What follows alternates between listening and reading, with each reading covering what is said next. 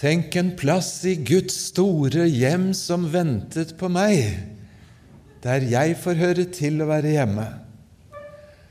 Og takk for en fantastisk måte å lede oss i fellessangen på. Jeg kan nesten ikke huske at jeg har sunget med større glede til fellessangen jeg fikk gjøre nå. Takk for akkurat det også.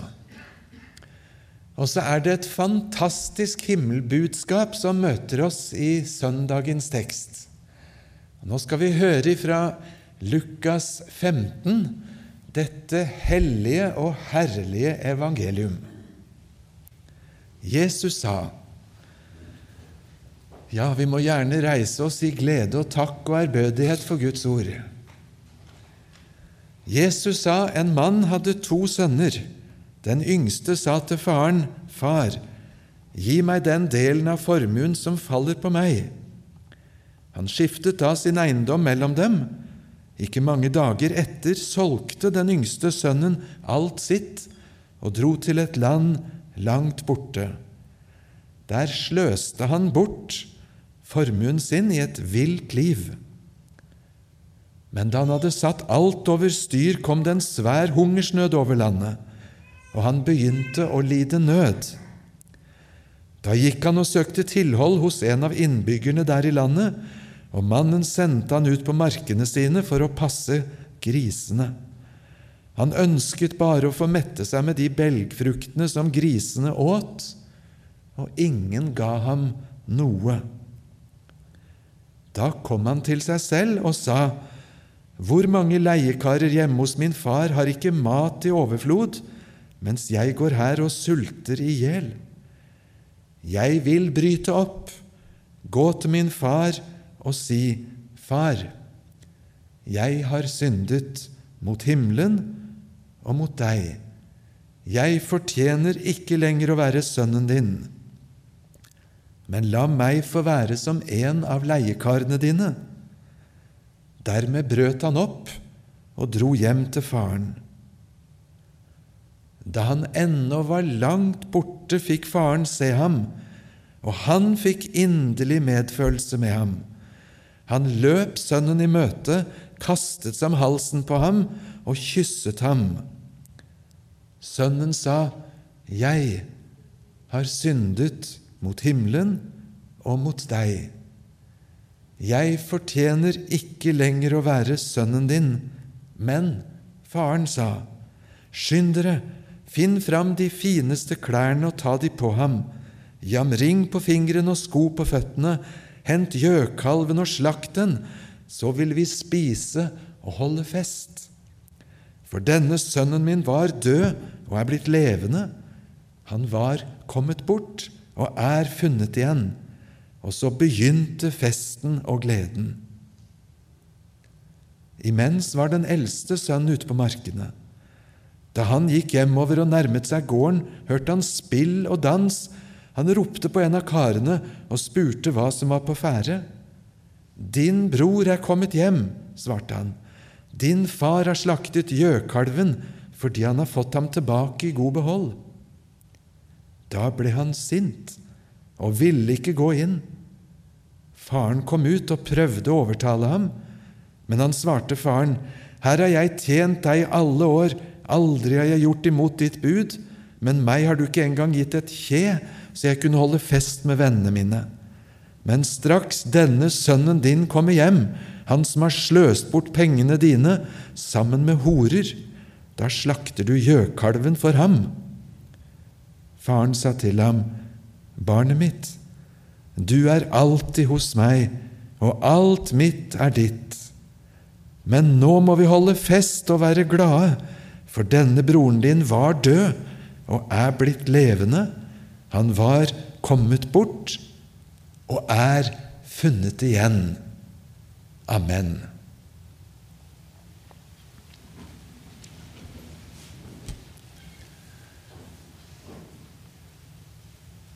Det er mye følelser i denne teksten. Det er mye smerte. Det er smerten av en far som kjenner seg som en mislykket far, en dårlig far. som kanskje kan ha kjent på både selvbebreidelse og ikke så lite bebreidelse på sønnen, kanskje. Det blir ikke utfoldet. Men vi trenger ikke å kjenne lenge etter før noen hver aner smerten når en familie rives i stykker. Når det bygger seg opp spenninger som eksploderer, og som splitter, og som skaper avstand, kanskje i hundrevis av kilometer og mil, i uker og måneder uten kontakt. Bekymring morgen, middag, kveld og ikke minst på natt. Hvor er de? Hvordan har de det? Hvordan går det? Vil vi ses igjen? Jeg bor ofte hos mennesker rundt i landet når jeg er rundt og har møter. Etter en stund, når vi har fått snakke sammen og sett på noen bilder på veggene, så kommer det mange såre historier om en fortapt datter eller sønn, om noen nært som likevel er fjernt. Og så får vi bruk for å be til Gud. Og så hører jeg selvbebreidelsene fra foreldre som ikke syns de oppdro riktig, og som angrer på kommentarer og hendelser, situasjoner og ikke minst på forsømmelser. Og så får vi mye å be til Gud sammen om. Så er det noen som kan fortelle om en sønn eller datter som kom hjem, og noen som aldri kom hjem, og mange slags åpne ender på de fortellingene.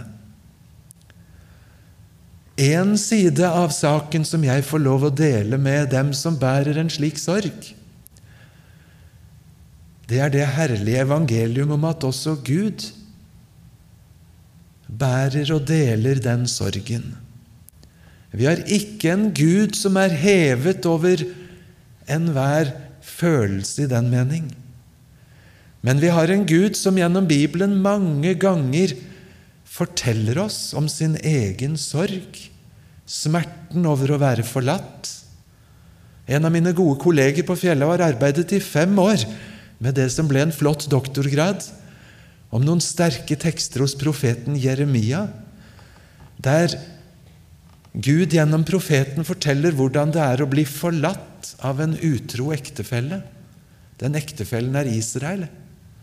Og den sorgen som Gud, som skulle være brudens brudgom, bærer over sitt forlatte folk. Og så er det tekster som går andre steder i Bibelen direkte på det. Selv må jeg mange ganger lese i Hosea 11. Der våger jeg å si at Gud vrenger sjela på godt norsk og spør hva var det som gikk galt jeg som lærte dette barnet mitt Israel å gå. Jeg som løftet det opp og la det inntil kinnet mitt. Jeg som ga det mat. Jeg som oppdro det med kjærlighetens bånd. Men jo mer jeg kalte på mitt kjære barn, jo lenger bort gikk det. Hva skal jeg gjøre med deg? Skal jeg gi deg opp? Gjøre med deg som med Sodoma Gomorra? Nei, mitt hjerte vender seg i meg. All min medynk våkner. Gud sier, 'Mitt hjerte vender seg i meg, all min medynk våkner'. Jeg vil ikke fullbyrde min brennende vrede, for jeg er Gud og ikke et menneske, den hellige. Og som den hellige og den annerledes så følger han ikke alle instinktene, men han gir rom for kjærligheten, for enda en gang å rekke hånden ut til Israel. Jeg har mange ganger forundret meg over hvordan Gud våger å bruke begrepet far. Vi som er fedre, vi vet så mange ganger vi sviktet. Vi var ikke den far vi ville være. Vi maktet ikke det vi skulle. Om det var feighet eller stolthet, om det var temperament eller noe som bar av med oss. Og kanskje også at ikke vi var så til stede som vi skulle vært. En dobbel smerte, for den kunne vi ofte ha gjort noe med. Å være der, i det minste i tid og i nærhet.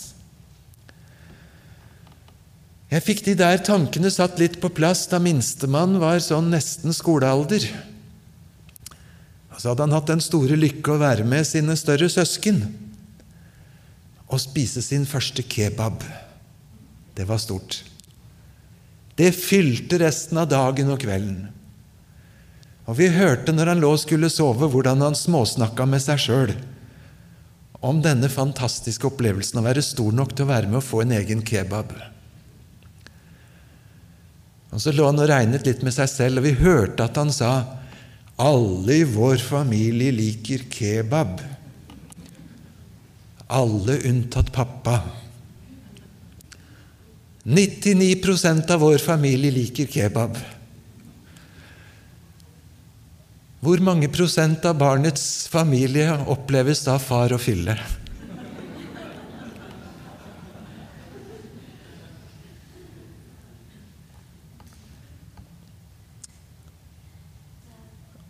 Om far ikke utgjorde mer enn 1% av den fortaptes oppmerksomhet, så var det nok til at Den hellige ånd kunne løfte den prosenten frem. Minne om hjemmet, minne om hvordan far behandlet til og med dagarbeidere og tilfeldige hjelpefolk. Og så kunne Den hellige ånd bruke det minnet og skape et håp om et annet liv enn det som han nå levde. Og så kom han til seg selv, står det. Parentes her skal dere bare vite hvor mye strid gjennom 2000 års kirkehistorie det har vært om hva betyr det å vende om til Gud. Er det å komme til seg selv? Begynner det hos oss? Begynner det hos Gud? Er det et minimum av egeninnsats med oppbruddet? Å faktisk bryte opp ifra det syndens land der han var? Eller begynner alt hos Gud? Og så er det noen som bruker denne lignelsen som argument for at det begynner hos oss. Og så svarer andre med at i de to lignelsene før så står det om en mynt som rett og slett bare var blitt borte, og som noen fant. Og Da ville vel teologien bli at omvendelse er å bli funnet, ikke å klare å finne tilbake selv. Eller sau nummer 100, som var fryktelig langt borte, og aldri hadde kommet til folden hvis det ikke var gjeteren på ekstrarunde ut i mørket for å finne den hundrende sauen. Det kan være farlig å presse en lignelse altfor langt, som om hver detalj skulle være en ny læresetning fra romerbrevet. Jeg tror likevel vi klarer å forstå poenget. Der er et minne av en far, et hjem, som står i slik kontrast til det mørket der han nå befinner seg. Og så stiger det fram en ærlig bekjennelse. Jeg har syndet. Ikke 'jeg beklager hvis noen skulle føle seg støtt av et eller annet'. Skylden ligger på meg. Det er jeg som bærer ansvaret. Og så er det en Gud med i hans horisont. Jeg har syndet mot himmelen, og jeg har syndet imot deg. Husker du Salme 51? Da David kom til seg selv og forsto hva han hadde gjort mot Batseba og mot Urias. Da sa han til Gud, mot deg alene har jeg syndet. Hva ondt er i dine øyne, har jeg gjort. Jeg er skyldig, og jeg har med deg å gjøre, Gud. Den som blir tatt i å gjøre noe galt, gjør noe galt imot en regel eller mot noen, men har også med Gud å gjøre. Jeg har med Gud å gjøre i all min ferd. Jeg har syndet. Hører du? Den fortapte sønn han dukker ikke opp på et offentlig kontor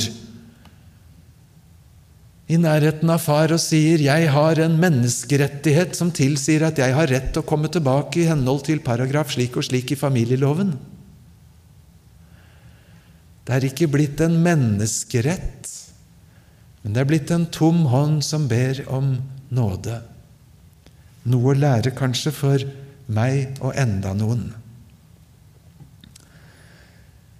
En god kollega og jeg snakket sammen på fredag om denne teksten vi skulle begge to forberedte denne søndagen, og han kastet frem en tanke som er tankevekkende. Hva hadde skjedd hvis den fortapte sønn i grisebingen hadde fått besøk av sin storebror? Hadde han kjent en varm invitasjon hjem? Hadde han gått i forsvar? Hadde han sunket enda lenger ned i selvforakt og fordømmelse? En tanke for deg og meg som er sendebud i Kristi sted. Det er som om Gud selv formaner gjennom oss. Vi ber dere på Kristi vegne, la dere forsone med Gud. Hvem møter en fortapt sønn og datter i Bergen eller Oslo i grisebingen, i fortauskanten. Minne av far, kanskje. Men det er godt hvis du og jeg er der på fars vegne. Og så kjenner jeg likevel på risikoen for at det ville gå fryktelig galt. For jeg har ikke alltid fars hjertelag. Tenk om jeg går i veien for far og sier noe feil? Og så er det tryggest å sitte hjemme med Dagsrevyen. Så går jeg i hvert fall ikke i veien for han. Eller kanskje jeg må melde meg på et smilekurs. Så jeg lærer å bli veldig sjarmerende, og noen får lyst til å komme. Jeg vet ikke hva det skulle være for et kurs. Det er vel hjertespråket det handler om. Og så sa jeg til min kollega, vet du, jeg har tenkt en litt annen tanke. Jeg har tenkt hvis nå denne fortapte sønn hadde virkelig brutt opp og søkt hjemover, og så møtte han ikke faren i døren, men han møtte meg, ville det gått like bra da?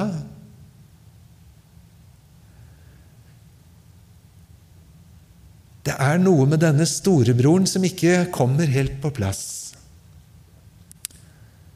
Er dette lignelsen om den fortapte sønn? Ja. Men hvis vi sier det, så har vi nesten mistet den andre delen av teksten. Om denne sure storebroren som egentlig ikke sjarmerer på noe punkt. Han bare faller dypere og dypere dess mer du leser om han. Han som overhodet ikke har fars hjertelag. Som bare er opptatt av egne lønns- og arbeidsvilkår. Som boikotter festen og som fornærmer far etter oriental, orientalsk skikk og bruk med å utebli, og som til og med slenger en ikke så godt skjult anklage mot far. Her har jeg gått og slavet for deg i alle år, aldri gjort deg imot. Slavet for deg, står det på gresk. Vært som en slave. Og så er det å være i fars hus blitt så lite varmt og spennende så lite av den nyfrelstes frelsesfryd at han går på autopilot og rutine og går seg selv sur og havner på utsiden av festen. Kjenner ingen glede når broren kommer. Kanskje han er en som har glemt nåden, men husker pengene. Omtrent sånn som han som ble tilgitt et halvt statsbudsjett og rett etterpå krevde sin kollega for en annen, mye, mye, mye mindre sum, med et så høyt trusselnivå at han skulle i gjeldsfengsel til siste avdrag var betalt. En sur storebror på utsiden av festen, i mørket, og i sitt eget hjertes mørke fengsel, som ikke ser lenger enn lønns- og arbeidsforhold, og har mistet kontakten med gleden over å bo i fars hus. Hvis du skulle svare ærlig, hvilken av de to sønnene ligner du mest? Var jeg den eneste i denne store forsamlingen som måtte stirre ned i gulvet og si 'jeg tror jeg har mest av den sure storebroren'? Jeg vet ikke om du la merke til invitasjonen på møtet i dag? En menighet av fortapte sønner og sure storebrødre? Spørsmålstegn. Er det det som er Guds menighet på jord? Skal vi få lov å spenne skalaen fra den ene enden og si 'den fortapte sønn i grisebingen', og i motsatt ende 'den sure storebroren som er nær ved å glemme hva det er å høre hjemme hos far', med fokus bare på egne lønns- og arbeidsvilkår?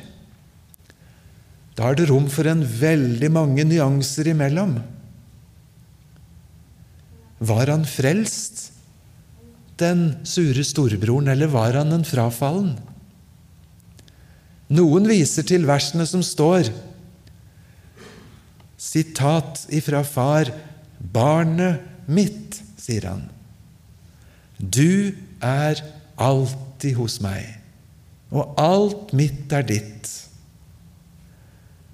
Kunne du sagt sånn til en som ikke var det?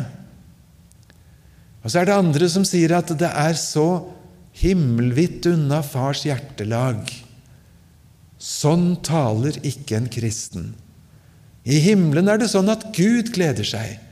Alarmen går for at nå må alle englene komme og glede seg, og så er det fest, mens denne går i sitt eget svarte mørke.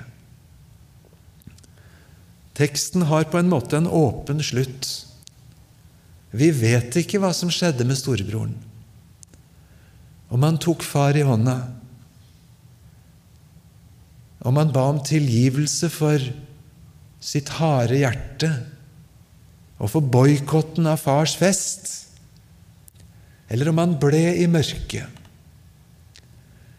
Og jeg tror det er tilsiktet ifra Jesus side.